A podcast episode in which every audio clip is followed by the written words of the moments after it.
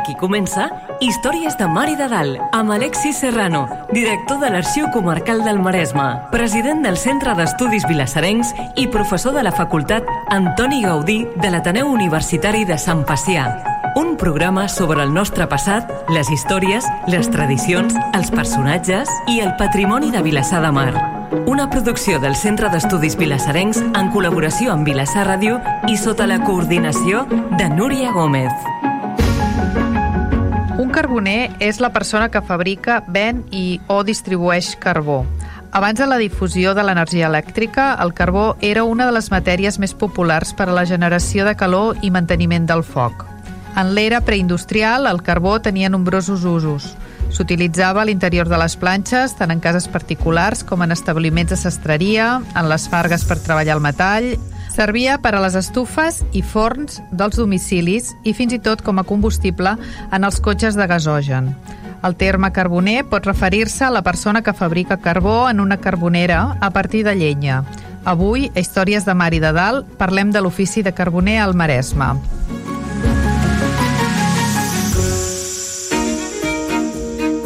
Històries de Mar i de Dalt. Entrant en matèria. Benvinguts. En el programa d'avui parlarem amb en Pere Clarabuig sobre l'ofici de carboner i també podríem parlar de Can Jordà. Uh, I l'Alexis ens podria fer cinc cèntims sobre el tema d'avui.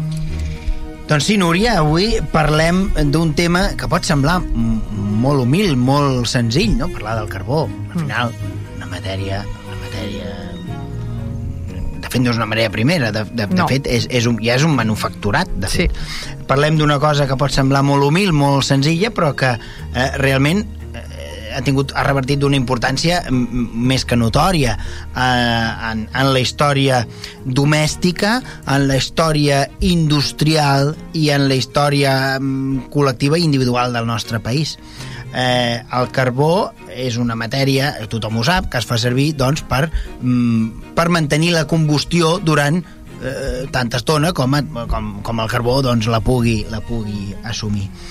Eh, cal dir que el carbó no és una d'aquelles coses que ha estat sempre en la història de la humanitat com a element per, per, per això que dèiem, per generar i mantenir eh, doncs, o, o foc o, o escalfor en època, en època antiga el carbó no es feia servir. De fet, els arqueòlegs troben carbons com a, com a, com a mm, traces de rubefacció, és a dir, com a marques de, de que s'ha produït algun incendi fortuït o intencionat, però troben carbó com, com, com això, com les restes de fusta que en algun moment s'ha cremat i s'ha carbonitzat i ha quedat allà.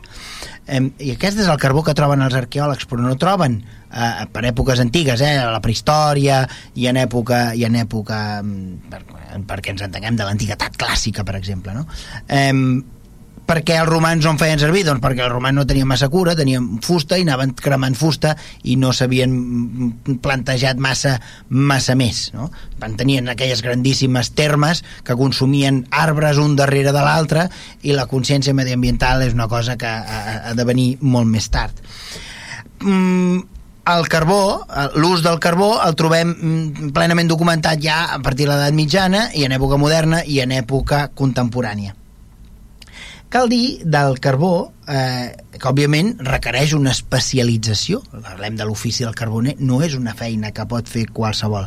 És a dir, la llenya, més ben dit, determinats tipus de llenya necessiten unes hores de combustió o unes altres, en funció de si estem parlant de pi o d'alzina, doncs necessitarem un temps o un altre, sortirà un, carbó, un carbó d'una qualitat o una altra, eh, però mm, quan parlem de l'ofici de carboner estem parlant de de la fabricació de carbó vegetal, perquè aquí cal distingir. Hi ha dos tipus de carbó, tothom ho sap, el carbó vegetal i el carbó d'origen d'origen mineral, és a dir, el carbó que es troba sota la superfície de la Terra o fruit de la mineria doncs, eh, que s'extreu, no? que és carbó que s'ha produït en èpoques geològiques molt anteriors a la pròpia existència mm, de la humanitat i que són doncs, grans masses eh, vegetals que van quedar cobertes, que van produir una, una combustió i que va ser una combustió molt llarga en el temps, molt llarga en el temps i que va produir un carbó de molta qualitat. Aquest és aquell carbó que eh,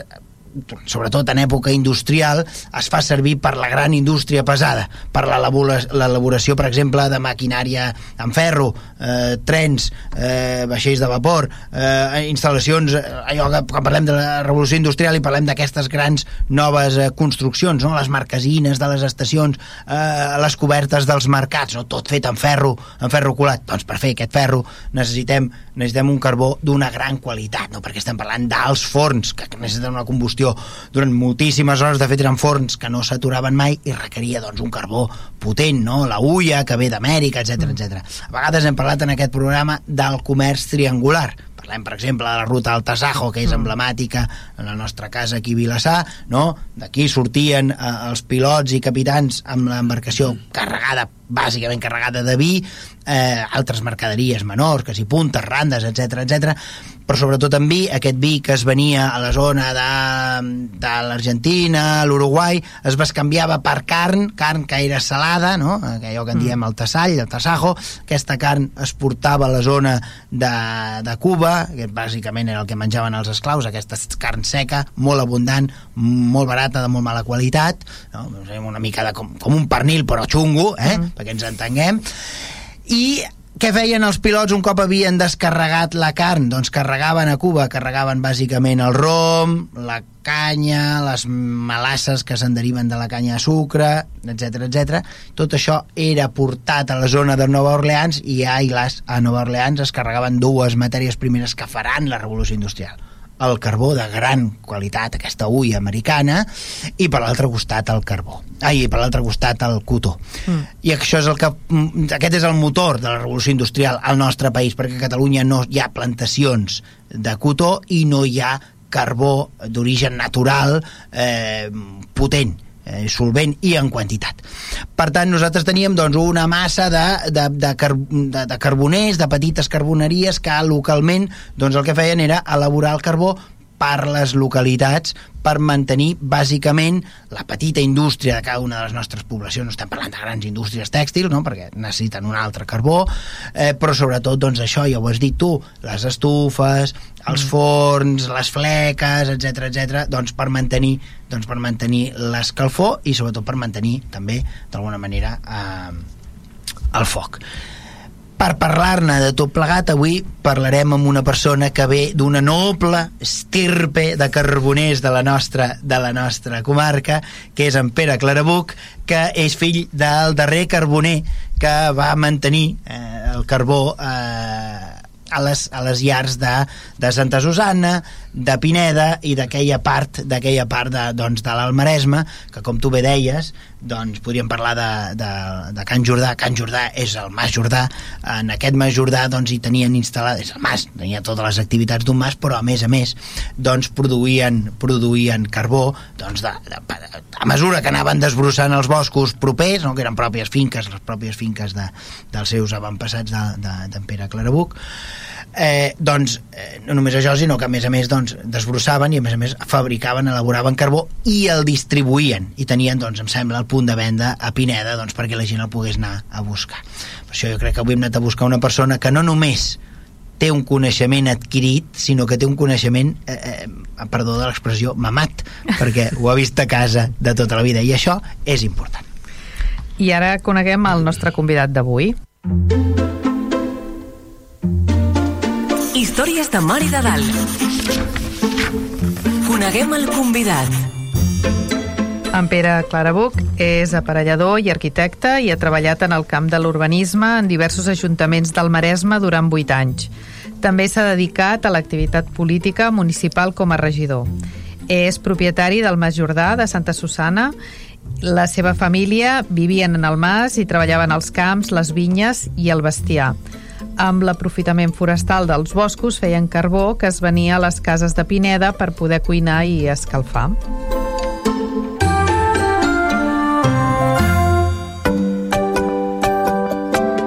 Benvingut, Pere. Moltes gràcies. Tu no t'hi has dedicat, això de fer carbó, no? No, però sí que ho he vist de petit, perquè jo era molt petit, quan el pare eh, tenien la, la pila eh? la pila de, que s'estava coent mm, aquest ofici que és que heu dit moltes coses que, que, que, fi, que, que, que va lligada amb aquest ofici tan punk. És a dir, estem parlant del carbó vegetal. Carbó vegetal és d'arbres. I aleshores el que té és que mm, eh, els boscos ells a aquella època ho anaven netejant tot, però quan volien fer carbó tallaven alzina, concret, es tallava i es anava capolant un, amb unes mides concretes, és a dir, els trons que eren més o menys eh, 15 centímetres o així, tot això anava a parar a la pila per fer carbó. El tronc gros, llavors allò anava per, per llenya, anava, es venia a part. Eh? Però eh, aquella època els boscos es cuidaven perquè se n'aprofitava tot. Per exemple, la feixina, que abans parlaves dels forns, doncs mm, molts de forns de, de pa es feia servir la feixina, el bruc i molta altra cosa. Eh? Molt, vull dir... Primer per encendre i després per escombrar. I després, sí, I després per escombrar. També, també. Aquí, aquí en, en, Pere i jo ens donem la mà, perquè ell és fill de carboners i jo fill de, de pastisser forner, i per tant, eh, el meu pare m'havia explicat molt, eh, de com, com s'havia d'encendre un forn, sí. i com s'havia de mantenir, i com s'havia sí, d'escombrar. Per tant, tu tot això ho domines bueno, no, eh, a mi em passa una mica com el Pere jo, bueno, bueno. jo ja no he enfornat pa ja. jo, no, però ho dic perquè certament en aquella època eh, s'aprofitava molt quasi tot el que hi havia en els boscos era un aprofitament important, o sigui, a part de que hem dit que el pagès tenien camps, eh, ramats, tenien el que fos, eh, mm. vinya, etc. però la part de, de cuidar els boscos doncs era important perquè en treien un rendiment mm. i és clar, el carbó tota aquesta etapa que hem dit, mitjana fins ara, fins a la contemporània, doncs eh, és el que s'ha fet servir per cuinar a les cases. Eh? Mm. Després hi havia el carbonet, que era aquell allò petit que quedava, que es feia servir pels brasers, mm. eh, però el carbó en si era l'element principal de les cuines de les cases. Mm. Eh? I és tot un procés d'elaboració complexa però, però maco, però és lent lent. El carbó penseu que es passaven com a mínim de, de 10, 12, a vegades fins hasta més dies a la pila, depèn de lo gran que era, etc. Però aquí al Maresme, en concret, aquests boscos el que més tenim és alzina, en altres llocs també es fan faig, però es respectava molt, doncs, el roure no se'n feia, el suro tampoc se'n fa, perquè el suro té un altre tipus d'aprofitament, eh, que, que és la pell, que és, que és el suro, i el pi, el pi no s'ha fet mai servir perquè no té prou caloria, no té prou força. El pi és un arbre que, que va bé per, per, per molts elements de construcció de, del que sigui, però no mai per, per elaborar carbó. Sempre es feia servir alzina de qualitat. Doncs bé, el procés era molt simple. Eh, que aquella època no hi havia mm, eines mecàniques com ara, que ara hi ha motosserres, hi ha de tot. Aquella època tot era a base d'esforç de, manual. Sí. O sigui, els homes, sempre era una, una colla, quatre o cinc homes, que es dedicaven al bosc, anaven amb destrals i tallaven els arbres amb destrals amb la destral grossa. Després eh, capolaven eh, amb la destral petita. Després els trons grossos anaven amb el xerracross, amb la serra grossa, aquella, la doble, la manual, bueno, els tres tipus de xerrars que hi ha, però tot allò anava per vendre, cap una altra finalitat. I en canvi el brancatge, però gros, 12, 15, fins arribaven a 20 centímetres, això el tallaven en peces de 80, a vegades de metro, de, de llargada, i ja eh, amb mules, o que sigui, el portaven fins a la plaça Carbonera. La plaça Carbonera no és més que mm, un espai rodó, més o menys, de, jo diria, uns 10 metres de diàmetre aproximadament, en què al mig s'hi plantava eh, la carbonera. Com es feia això? Aquests troncs que hem dit que havien portat, aquests, amb aquestes talles, les posaven en cercle, en rodó, eh, apoyades una amb les altres, i deixaven un ull, un ull d'uns 40 centímetres aproximadament, que és el que després això permetrà encendre. Era, és el lloc d'encendre. Doncs anaven posant els troncs apilats, tot una, tot una part, una segona filera i una tercera filera. Normalment eren de tres fileres, normalment. Llavors, què es tractava de fer? Es tractava de que el carbó aquest, vegetal, té una... s'ha de, de coure, però sense oxigen, o sigui, tapar-lo. Perquè, és clar, eh, la llenya, eh, si és, sense tapar, amb l'oxigen de tal que crema i es converteix en cendra. En canvi, Val. això el que es tracta és de trobar l'element aquest de la combustió lenta que es produeix dins de la pila, dins de la pila, perquè eh, doncs es vagi cremant però vagi eh, traient tota la humitat i conservi tota l'energia que té. Eh, el carbó té, conserva tota l'energia de, de, la fus, de, de la llenya eh, de la llenya. Per, per tant, era una mica el que diu l'Alexis, eh? això no ho podia fer qualsevol, no? Vull dir, havies de tenir ofici per Ah, saber... ofici, Queda clar, Clar. és ben veritat. O sigui, una cosa és els homes que treballen al bosc i, i que preparen la llenya i l'altra és el carboner. Mm. El carboner és la persona que eh, s'encarrega de la pila, s'encarrega d'encendre-la i després el que ha de fer és lentament eh, van fent per etapes o sigui, van fent que la cuita sigui a un nivell, a un altre i a un altre com ho fan això? Ho fan eh, primer de tot omplen l'ull l'ull central, tot de llenya i va cremant tot. Però com que està tapat, perquè penseu que eh, aquesta pila una vegada està feta eh, amb troncs, després s'hi posen com brancatge, com, com tot el que trobaven dels cines, i al damunt hi posaven la terra. Val. O sigui, anava totalment tapada, Ho tapaven amb sorra. amb terra. Amb terra. Amb val, terra, amb val, terra, val. Perquè això està fet al bosc, al bosc Val, eh? val. amb terra. Estava tapat, o sigui, és una cocció interna. O sigui, ens entens que és una cocció interna. Si fos un forn, però fet de... Sí, De terra. De terra Val. Eh? Llavors, perquè això tiri, el que feien és, eh, els, els ventiladors, eh, amb un pau llarg, anaven fent com uns forats a diferents nivells. Si volia que es cremés a baix, doncs feien els forats mm, diguem, de tot el perímetre i així entrava a la mica d'aire i allà agafava el foc. El foc que hi ha en el centre s'escampava per la zona i amb una eh, combustió molt lenta, molt lenta, doncs anava coent i transformant aquesta fusta en carbó. Eh, anaven pujant, una altra fila anava pujant, i aleshores, quan ell, el carboner veia, considerava que això ja estava, doncs eh, ja ho tapava tot. Es tapava tot. Eh? O sigui, el, el central i el del mig. Llavors es deixava un parell de dies reposar perquè, esclar, pensem que estem al mig del bosc i que no es pot s'ha de vigilar molt això perquè, perquè sí. Podria produir un incendi no?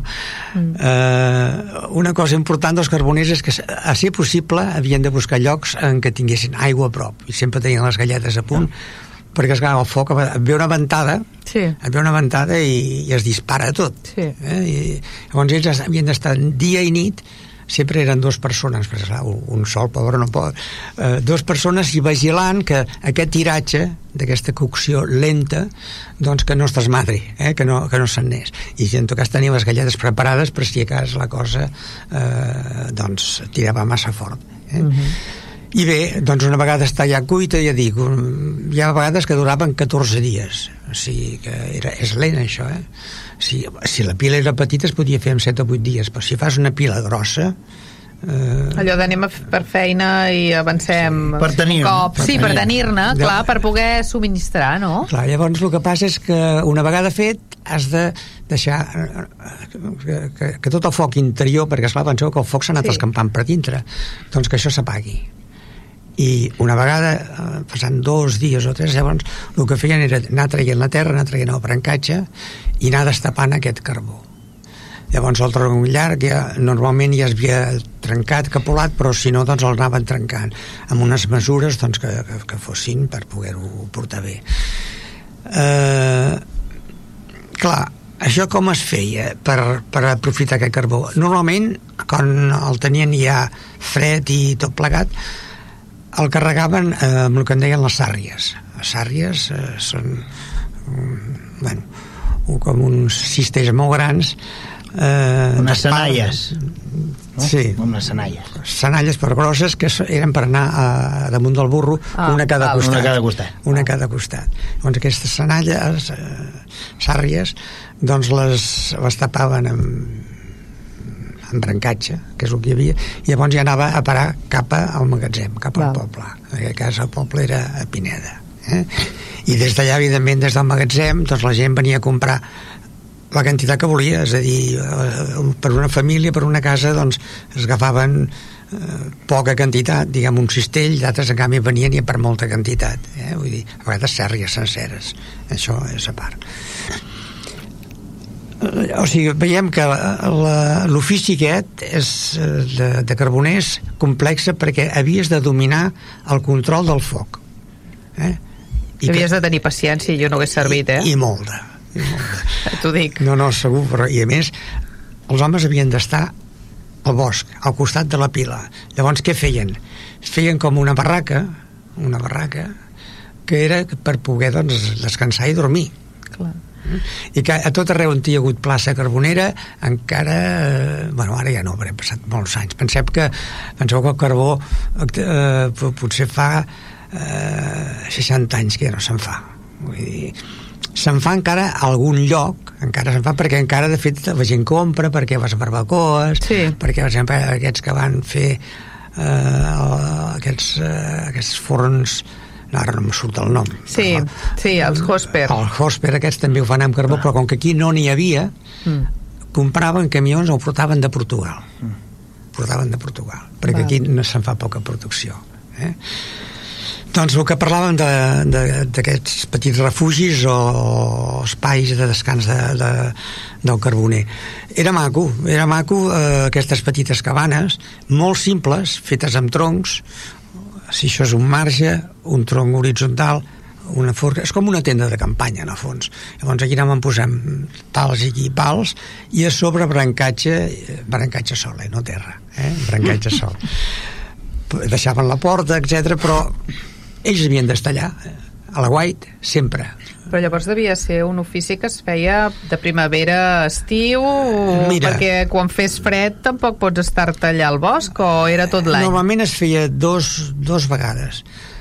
A l'octubre es començava ja a la part de tallar i anar agafant els troncs i anar-los eh, portant a la plaça, sí. al lloc. I llavors el, el carbó, les carboneres, bueno, n'hi ha que, que en feien una rere l'altra, però un normal era fer una gran, grossa per Nadal, eh, o abans, bueno, eh, al desembre, i l'altra gran eh, per Pasqua abans, eh, una miqueta. Sí, però mm, no és allò de fer una pila i tornem, i ara una altra, i ara una altra, i ara una... No, sinó almenys es feia una de gran eh, i es feien, diguem, a tardor i, i primavera. Val. Clar, suposo que això també anava en funció de la teva clientela. Si Clar. tu només havies de proveir doncs, a Santa Susana, a Pineda, que tenia un nombre determinat d'habitants, doncs suposo bueno. que això anava regulat també d'alguna manera com allò que diem, la llei de l'oferta i la sí. demanda, és a dir, si tens tanta demanda n'han de fer més o menys. Estava pensant en el cas de en el cas d'una ciutat ja més poblada, com seria el cas de Matró. A Matró hi havia moltes cases, cases que es construeixen a finals del segle XIX, primers del segle XX, són cases que tenen carbonera, que són uns espais que estaven a sota casa, a la, tu entraves a la casa, pujaves un parell d'esglaons, no? I, i per la, a la façana hi havia una, una, una finestreta que si deixava, eh, arribava el carro del carboner, decantava el carro, ra, tot cap a baix i allà quedava. Això no va tenir massa fortuna a casa nostra perquè sabeu que tenim un règim pluviomètric una mica peculiar, que sí. plou molt poc, però el dia que plou, plou de forma torrencial mm. i moltes d'aquestes carboneres quedaven anegades d'aigua. I el carbó banyat serveix o de poc o de gairebé però penso I, que... I per tant se'm van durar molt poc, eh? No sé si per això jo, però jo sé d'algú que m'havia dit és que aquí havíem tingut molts problemes perquè moltes vegades et quedava Clar. tot el fang embarrat, eh, en fi, eh, i no tenia massa, massa no sentit. Però, de fet, a, a Matró quasi no en queden de cases com aquesta. N'hi havia, per exemple, la Ronda Barceló, sí. aquell rengle de cases que van enderrocar, allà al costat de la farinera, sí. darrere de la farinera, tot allò eren cases amb carbonera, no en queda sí, ni una, ni una. han desaparegut totes, no? Uh mhm. -huh. Però és curiós, eh? No, no hi ha cases del 18 amb carbonera. Són cases de finals del 19 i de principis del 20 amb carbonera. No? Uh mhm. -huh. Sí, sí. I el, el teu pare, com és que fa aquest ofici? O sigui, perquè això t'ho ha d'explicar algú. Jo no, a, a mi no se m'acudiria, jo no tindria ni idea. El, els masos eh, havien de, de treure rendiment també del bosc sí. i per tant doncs eh, el que portava els boscos a casa era, era el germà del pare, era el Josep però el Josep va morir d'un accident un accident mm. amb el carro i llavors va haver d'assumir el meu pare mm. eh? però clar, normalment en aquestes famílies sempre hi ha una persona, quan tens, bueno, casa tampoc és tan gran, però hi ha 50 hectàrees de bosc, però en aquestes 50 hectàrees eh, n'has de treure rendiment. En aquella època s'havia sí. de treure rendiment. No és com ara, que ara estan abandonats, com aquí diu, sí. perquè et dona molt poc. Si vols tenir un bosc en condicions i net, eh, i, i que les plantes vagin allò, creixent bé i, i anar fent eh, aprofitaments cada, cada X anys això avui en dia és molt poc rendible molt poc rendible i per tant aquella època que, que també hem de dir que, que la gent es conformava amb molt poquet sí, també, no també, també ho hem de dir-ho eh? però sempre a les cases una miqueta grans que tenien eh, bastant de bosc doncs hi havia un que s'encarregava o sigui jo sé que el pare tenia dos homes, bueno, a vegades tres, i ell, quatre. Eh? Quatre homes que sempre els tenia al bosc. Eh? Ara tallen, ara netegen, ara preparen els troncs per, per fer el carbó, etc. I, i bueno, dius, per què eh, aquest ofici? Doncs perquè es tractava doncs, de, de treure un aprofitament d'un rendiment mm. I, i a part que era d'una gran utilitat perquè és veritat que es cuinava amb carbó i fins i tot tu parlaves d'aquestes cases que tenien aquestes rampes i això és que jo ho he vist amb indústries a Pineda també, amb indústries eh? O sigui, amb carbó vegetal no carbó mineral, amb carbó vegetal.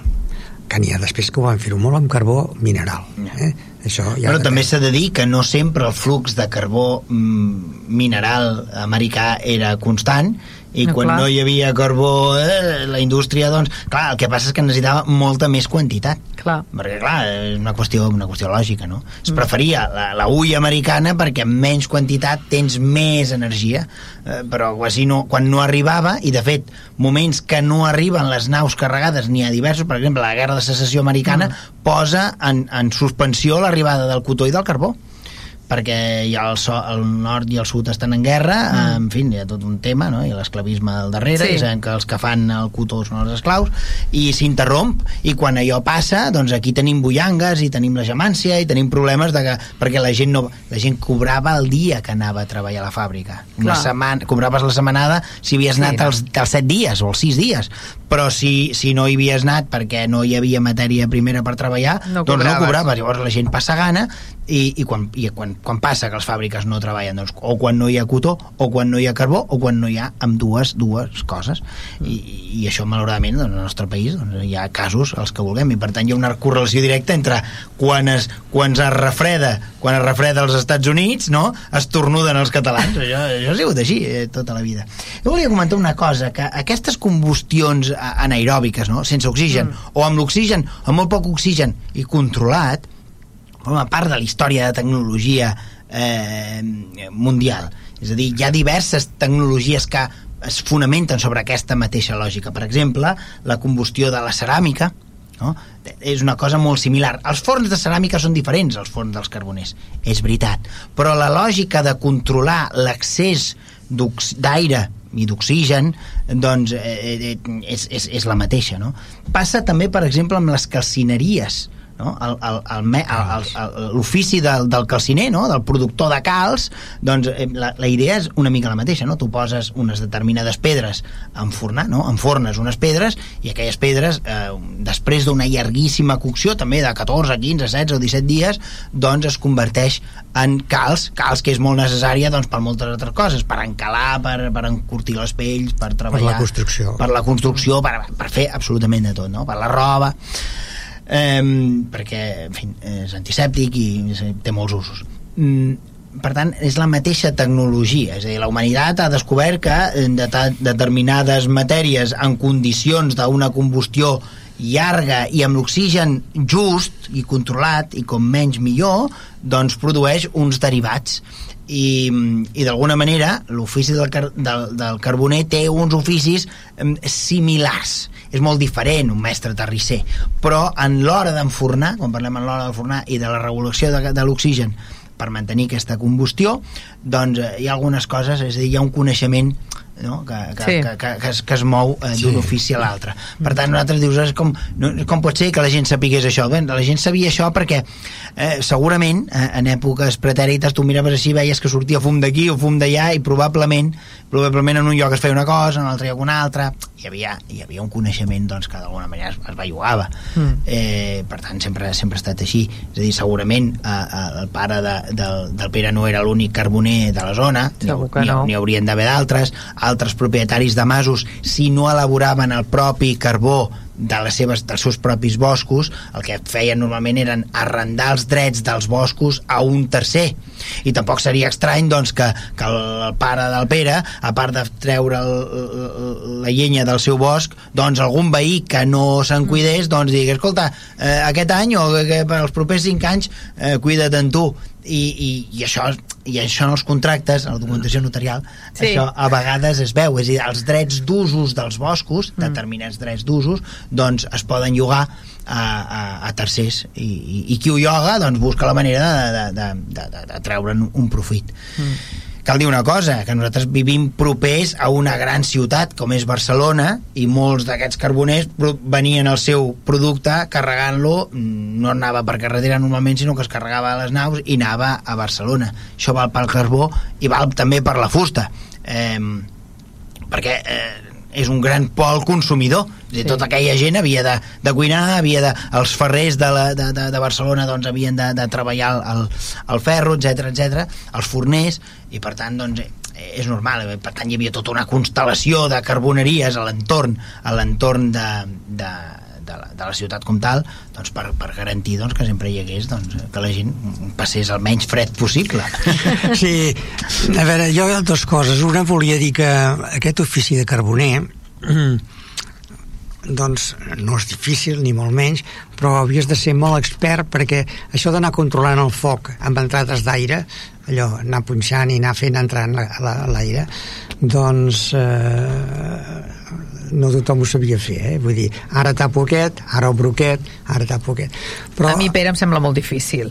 Bueno, sí, però pels que... Ell- dedi- ell pels diu que és molt fàcil, però jo no que- ho veig gens Pels que s'hi Sí, dedicaven, jo diria que, que no, perquè esclar era el seu ofici, i els Sí. oficis, doncs, és això. Al final saps fer la teva feina, però no? recordem que eh, abans em dic el carbó mm, tampoc és de l'època romana ni, ni, Mm. però en canvi sempre es havia cuinat amb llenya o sigui, eh, sempre Mm. la llenya eh, era, era eh, el foc Sí. el foc per cuinar per, per, per tot no? o sigui que eh, l'invent tu parlaves de d'aquesta cocció eh, així hermètica tancada, això em fa pensar una mica amb els forns de ceràmica que aquells d'aquella època també anaven directament amb llenya. Jo sé, per exemple, hi tinc escrits de Can Jordà en què el pare va vendre no sé quants de carros de, de llenya primer per la bòbila de Pineda. O sigui, la bòbila anava amb llenya, amb llenya tota, i tota la cocció anava cap allà. I esclar, evidentment les bòbiles estem acostumats a veure que una cosa és el foc a sota i la parrilla, etc. i llavors la gran bòbila a sobre eh, la gran volta que dintre hi posen tota la ceràmica a coure però l'element de cocció l'element de, de foc era a sota amb llenya, no carbó no, no, carbó no, llenya, No. carbó no. llenya, eh? però també era, també era controlat Sí. és a dir eh, s'havia de mantenir una quantitat de foc de forma permanent perquè clar, el problema quin és? si poses molt de foc de bones a primeres les peces s'esberlen Sí. parlo de ceràmica si no, eh, se't queden fumades eh? vull dir, ha de tenir eh, vull dir, té la seva, la seva, la seva dinàmica però eh, el fet de mantenir la temperatura la temperatura sense termòmetres, eh? S'ha de mantenir la temperatura sense termòmetres cosa que ja té el seu mèrit i després mantenir això, la, la, el flux d'oxigen que és el que determina la, la, Sí. la combustió Sí. i això val, això val és a dir, aquest, aquesta lògica de mantenir l'accés d'oxigen al forn eh, doncs dèiem que val per, per aquests tres oficis, el de calciner el de ceramista, diguem-ho així no? eh, que el de carboner però certament és diferent, no és el mateix també per la per l'elaboració de calç el que requereix és fusta Sí. Aquí, aquí, estem, aquí estem parlant d'una altra cosa. Aquí estem cremant directament la fusta per obtenir carbó. Estem No estem, transformant. no estem fent foc per No. canviar u, u, un element, és a dir, canviar que el fang es converteixi en ceràmica o que No. eh, el marbre es converteixi en calç. Eh? Estem parlant, són coses diferents. La cosa curiosa, i s'ha de mantenir, això que dèiem de l'expertesa que ha de tenir el mestre carboner, és perquè si hi ha massa foc, massa oxigen, què passa? Quan obres la carbonera, el que treus és cendra, Sí. i la cendra no es ven. Això per començar.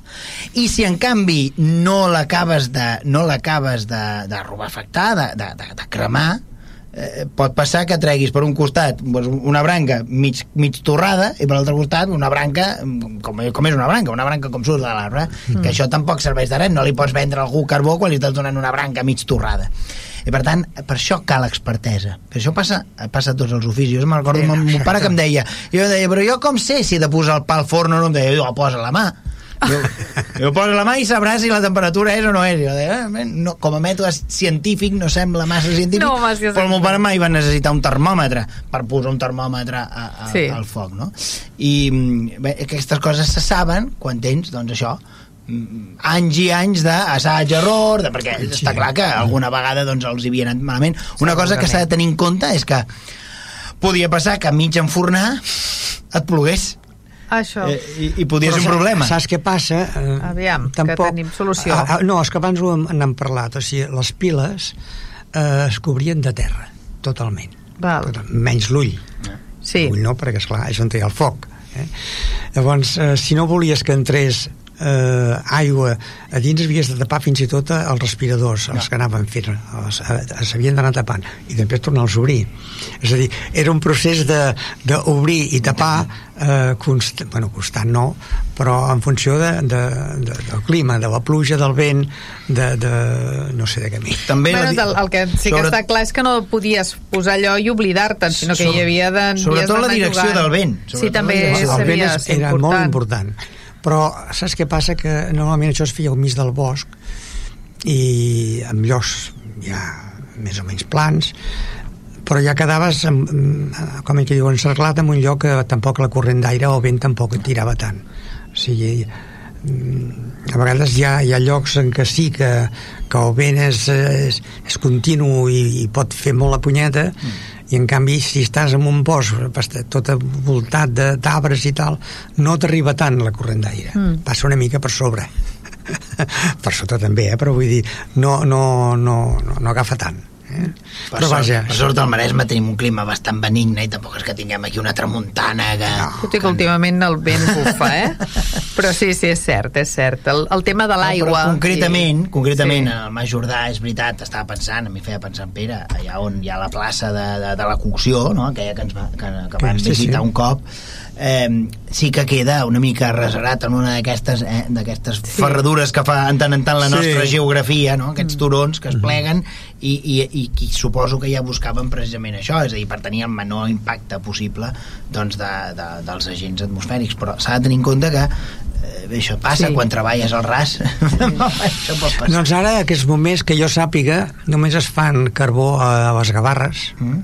encara hi ha, hi ha gent que s'hi dedica, però el que és per aquí, bueno, Maresme poc, però eh, tot el que seria Montnegre no No n'hi ha. No n'hi ha carboners, no n'hi ha que, que, vaja, que jo conegui, eh? Sí. que, que jo sàpiga, no, no se'n fa, perquè, és clar si tampoc hi ha, hi ha gaire demanda, doncs, Bueno, ara que s'han posat de moda aquests forns, que a més a més són de per allà, forns- no? De Pineda o Sí. d'aquella zona, no? Però saps què van fer? Eh, Els del Josper van fer una cosa molt curiosa. Com que no tenien prou carbó eh, vegetal fet al bosc amb la pila, etc i Sí. carboners, van intentar de fer-ho modern.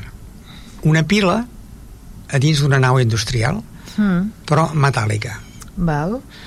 Eh, sí, sí. i funciona Però van estar fent una mica, però al final eh, no se'n van sortir no, se'n van sortir i ho van deixar estar perquè era molt complicat això sigui, era, era molt complex i mm, per les notícies que jo tinc al final va, va, van amb borris i ells per exemple que en gasten molt perquè hi ha molta Sí. restauració que fan servir doncs al final l'importen l'importen de Portugal que encara se'n fa molt i a Pineda concretament aquesta empresa Sí. té dos naus industrials immenses plenes de carbó Val. Però Però, que no és, però que no és nacional. No és de Can Jordà. però no, no. No. no, no és del Maresme i, i aleshores doncs eh, ve de fora ve de fora, sí, sí Bé, el que deies abans, no? que abans s'aprofitava tot dels boscos i els que, tenies esclar. en condicions i ara els boscos els tenim abandonats de la mà de Déu i Perquè no- després hi ha quin, incendis. re- quin rendiment en treus ara del bosc, a veure Bueno, tu encara tens uh, gent que et treballa aquest bosc, no? Tens unes cabretes, no? no tens cabre... Que són cabres o ovelles? cabres, Cabres. Tens cabres que, es, que es no mengen poques, al bosc. i no poques, 240 240? 240 cabres que gestionen el bosc Sí, sí. a la seva manera. Bueno, això va començar l'any passat perquè també bueno, des, de, des de la forestal eh, es parlen d'aquestes coses ja m'hi vaig apuntar de dir, ei, netejar boscos eh, amb bestiar amb bestiar i els capres fan una feina immensa mengen una barbaritat. I els veies com s'enfilen a vegades pels troncs dels arbres i agafen la brancada petites eh, són tremendes són tremendes. Bueno, L'evolució ens ha Sí. portat... però sí, jo al final he optat també per fer això perquè perquè és que si no és que no pots sortir, a veure netejar bosc, us ho dic perquè tingueu una mica l'idea una hectàrea de bosc netejar són 1.200 euros per hectàrea. Eh, L'any. no, no, fer-ho Ah, cada vegada. cada vegada I això s'ha de fer cada quan? i això pensa que el brancatge eh, les plantes depèn, depèn de la pluja, és clar, ara estem en una època difícil, però cada 5, 6 anys 7 anys, vull dir, torna tot ja està crescut llavors, amb aquests preus de neteja clar, tu pensa, els homes la feina que tenen i, eh, clar, és, és molt grossa i per tant el temps que hi dediquen i, i el sou que han de cobrar, esclar, i per tant està sortint sobre uns 1.200 euros a l'hectàrea. Tens, per exemple, 50 hectàrees a casa, 50 per 1.000 són eh, 60.000 euros a gastar cada, cada 6 anys, per exemple. Mm. Qui és que ho pot fer? Perquè això no et porta cap rendiment. No. I les És a dir- cabretes després pots tenir llet i pots fer formatges. En canvi, a aquella època eh, sí que tenia rendiment perquè netejaven i agafaven el bruc, la feixina anava a parar Sí. sí. molt als forns, hi havia molta planta que l'aprofitaven per, per, per encendre. I ara, ara no, ara no. Clar. Per tant, eh, dius, llenya, a, a veure, l'alzina aquest any s'ha pagat bastant bé, aquest any l'alzina, eh, perquè hi ha bastanta demanda de llenya, es paga entre 800 i 900 euros la tonelada. Mm. El pi, el pi d'aquí és de baixa qualitat. Sí. És de molt baixa qualitat. Llavors es fa servir, doncs, per palets, per, per caixes, per lo que sigui, però no... Recordeu aquella època que quan volies fer alguna cosa en fusta portaven el pi de Sòria, mm. el pi de Sòria, eh? que tenia renom i era bo. Però el pi aquí mm, no, no, no té massa categoria. Mm. Després hi ha el del suro, que el suro mm, sí, el suro en aquests moments és el que es paga millor, però aquí no tenim bones sureres, aquest sector del Maresme. Mm, Aquí n'hi ha, jo a casa n'hi ha bastant, però no hi ha allà uns arbres d'aquells ha. esplèndids que surti una pell preciosa i tal. No n'hi ha. I fora d'això, els boscos, què més hi ha? Hi ha, hi ha castanyers, això també, la fusta de castanyer, i, i poca cosa més de llenya, poca cosa més. En els boscos d'aquí del Maresme parlo, eh? Parlo.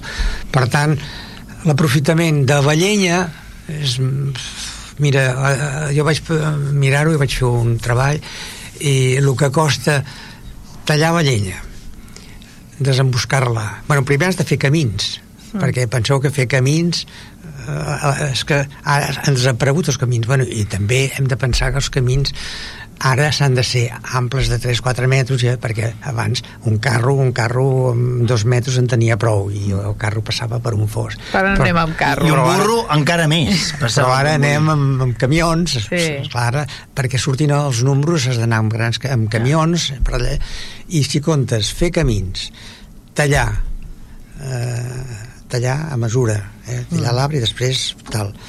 I portar-ho a, a, a planta eh, és que et quedes pràcticament a res. És una compte. eh, te surt poc a compte. I l'únic que, surt a compte ara és l'alzina i el suro aquests moments són dos productes que sí que a dins del bosc tal però és que aquella època Que són els boscos tradicionals Sí. que hi havia hagut al Maresme. Mm. Abans de que ens tornéssim De locos i comencéssim a reforestar amb pi, perquè realment quan un mira les fotografies d'antigues, Sí. fa un segle, estava tot el, tot el Maresme, tota la serra pelada. Sí, sí. Estava tot pelat perquè la vinya s'ho havia menjat tot.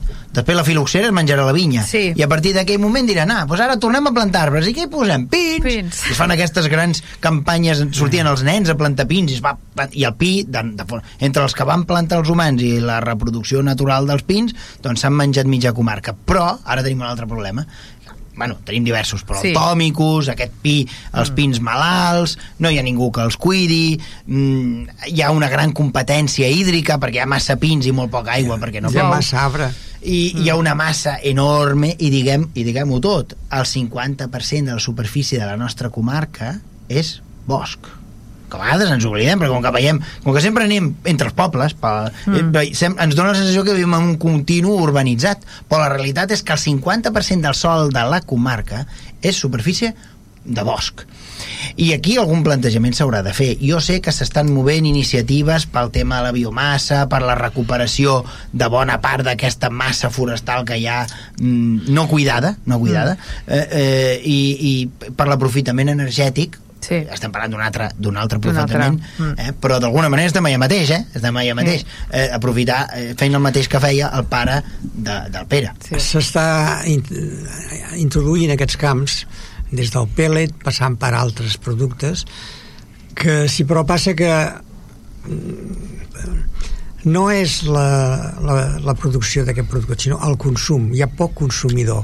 Sí. hi ha poca caldera, eh, poca, poca, mm. poca gent disposada a Clar. fer servir aquests productes. Ara ja... Aquest és el problema. Jo ara no voldria parlar més del conte, però jo sé que s'estan produint tota una sèrie d'iniciatives. També és veritat que la Generalitat ho està, ho està intentant doncs, estimular bastant que determinats eh, equipaments públics s'hagin eh, s'han de convertir, de fet aquí ja vindrà la normativa de seguida, per exemple escoles, instituts, biblioteques, equipaments públics, qui sap si el dia de demà doncs, l'emissora de Ràdio Vilassar doncs, no haurà de, de, de calefaccionar-se amb pèl·let eh?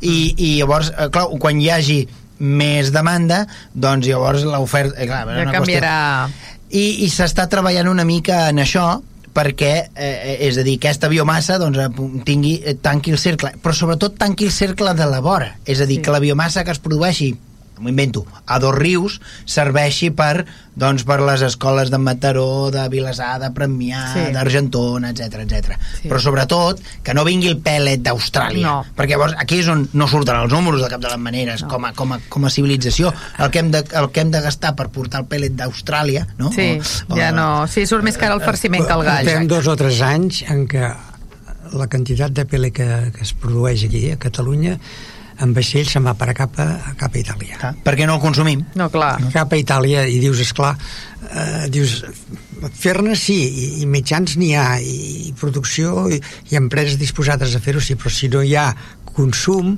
doncs l'únic que han trobat és exportació. També s'ha de dir, també s'ha de dir que bàsicament el pèl·let serveix per escalfar-se. Ja està. eh, a no sé que hi hagi alguna indústria que el pugui fer servir, cert, però en general nosaltres com a ciutadans bueno, bueno, la farem servir doncs, per, per posar-ho a la caldera. Mm. Però clar, vol dir que han de ser determinades calderes, la gent que viu en blocs de pisos això no s'ho pot canviar perquè, en fi, molt complicat i també és veritat que haurien de venir altres estímuls, és a dir, ajuts perquè la gent es canviés doncs, a la, o posés sistemes híbrids, etc. Tot això anirà venint, perquè tampoc té massa sentit que fabriquem nosaltres el pèl·let aquí i se'n vagi a Itàlia. És exactament el mateix que el que dèiem, no? Portar-lo d'Austràlia seria...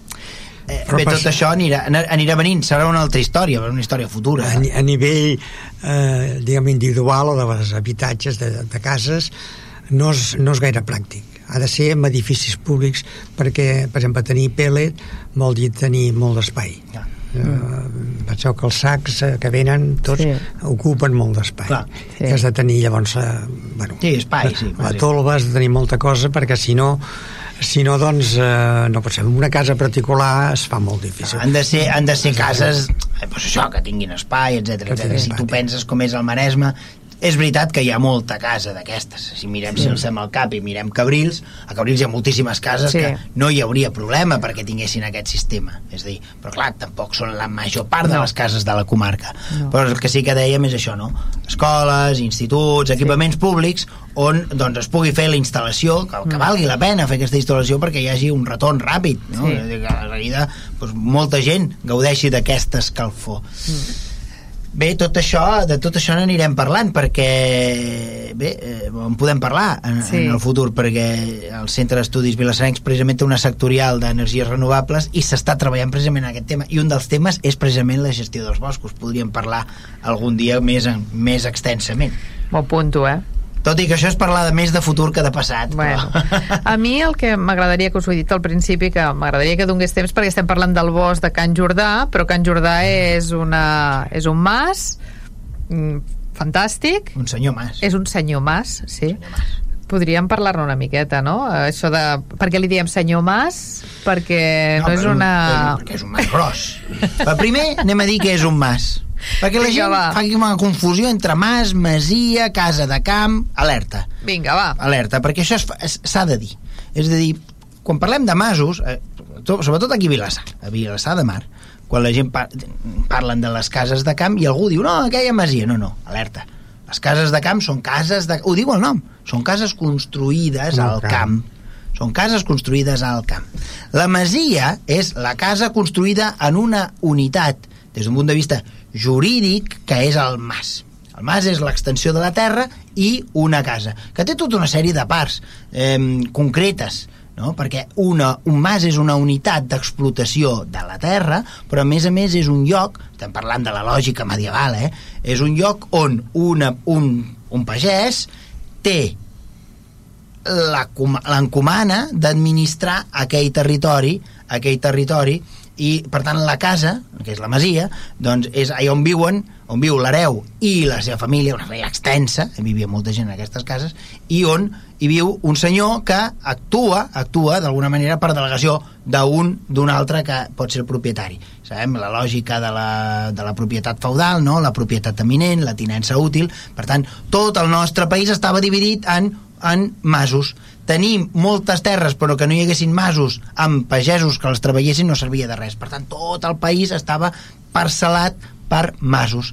I el Mas Jordà és una institució que arrenca des de l'edat mitjana i que dura fins als nostres dies i que en els últims bastants segles ha estat en mans de els, els, els, els Clarà que els Clarà i Buc i actualment Clara Buc perquè aquí ve la, la sumatòria dels, dels cognoms De fet, eh, els masos, és, és això que s'ha dit, eren unitats completes. Eren terres, boscos, camps, eh, bueno, hi havia la gleba, etc. Bé, tot això deixem-ho.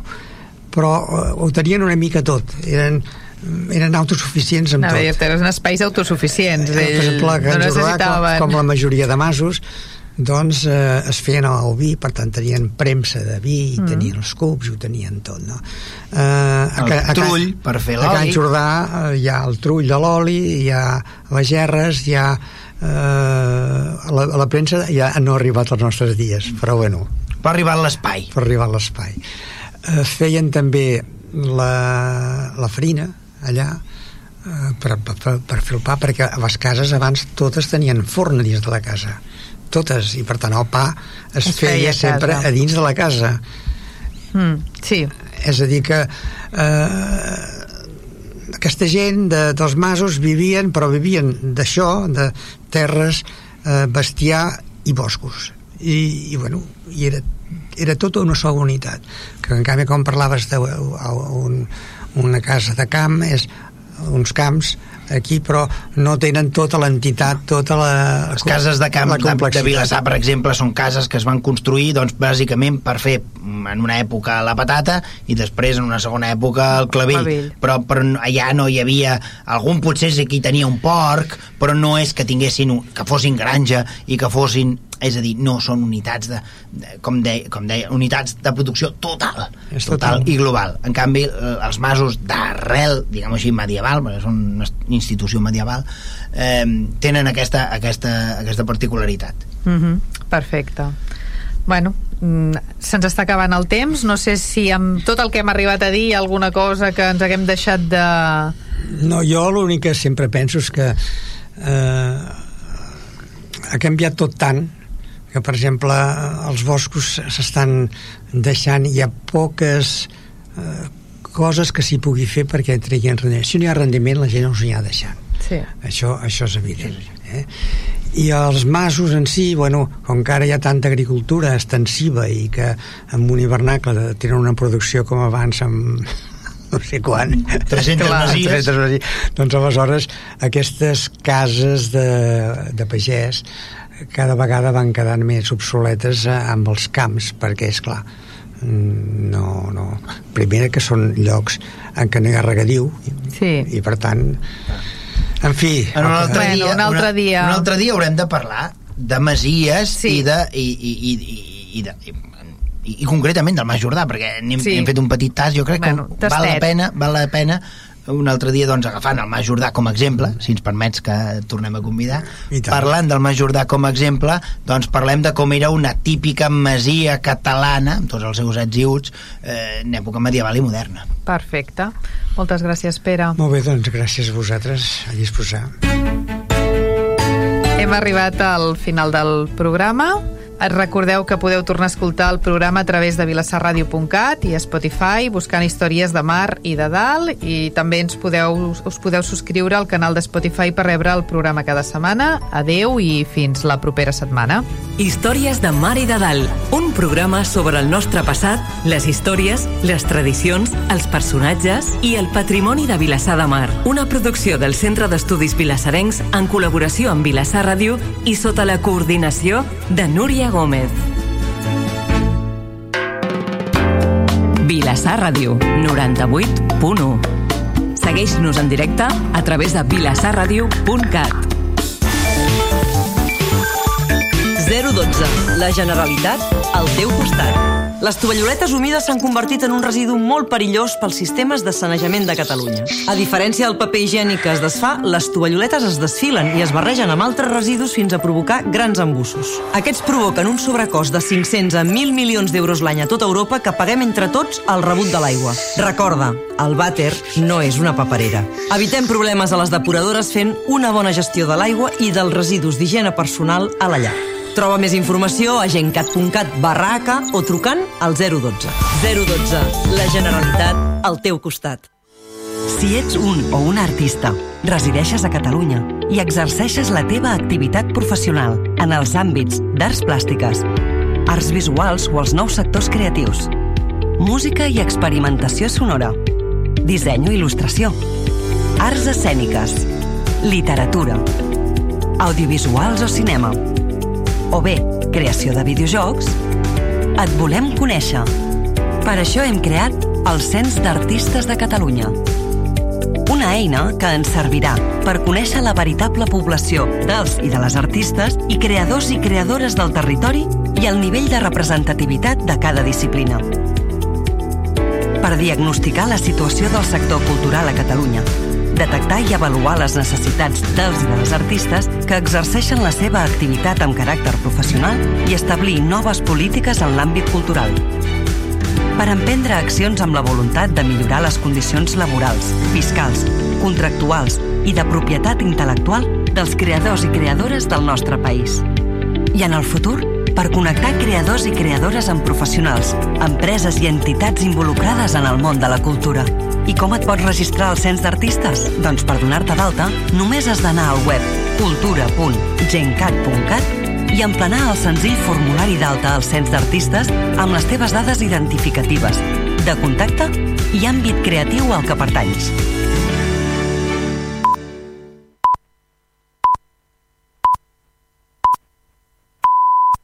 Vilassar Ràdio són les 10 de la nit. Aquí Prou Bullying, un programa del Departament d'Educació que ofereix a les escoles i instituts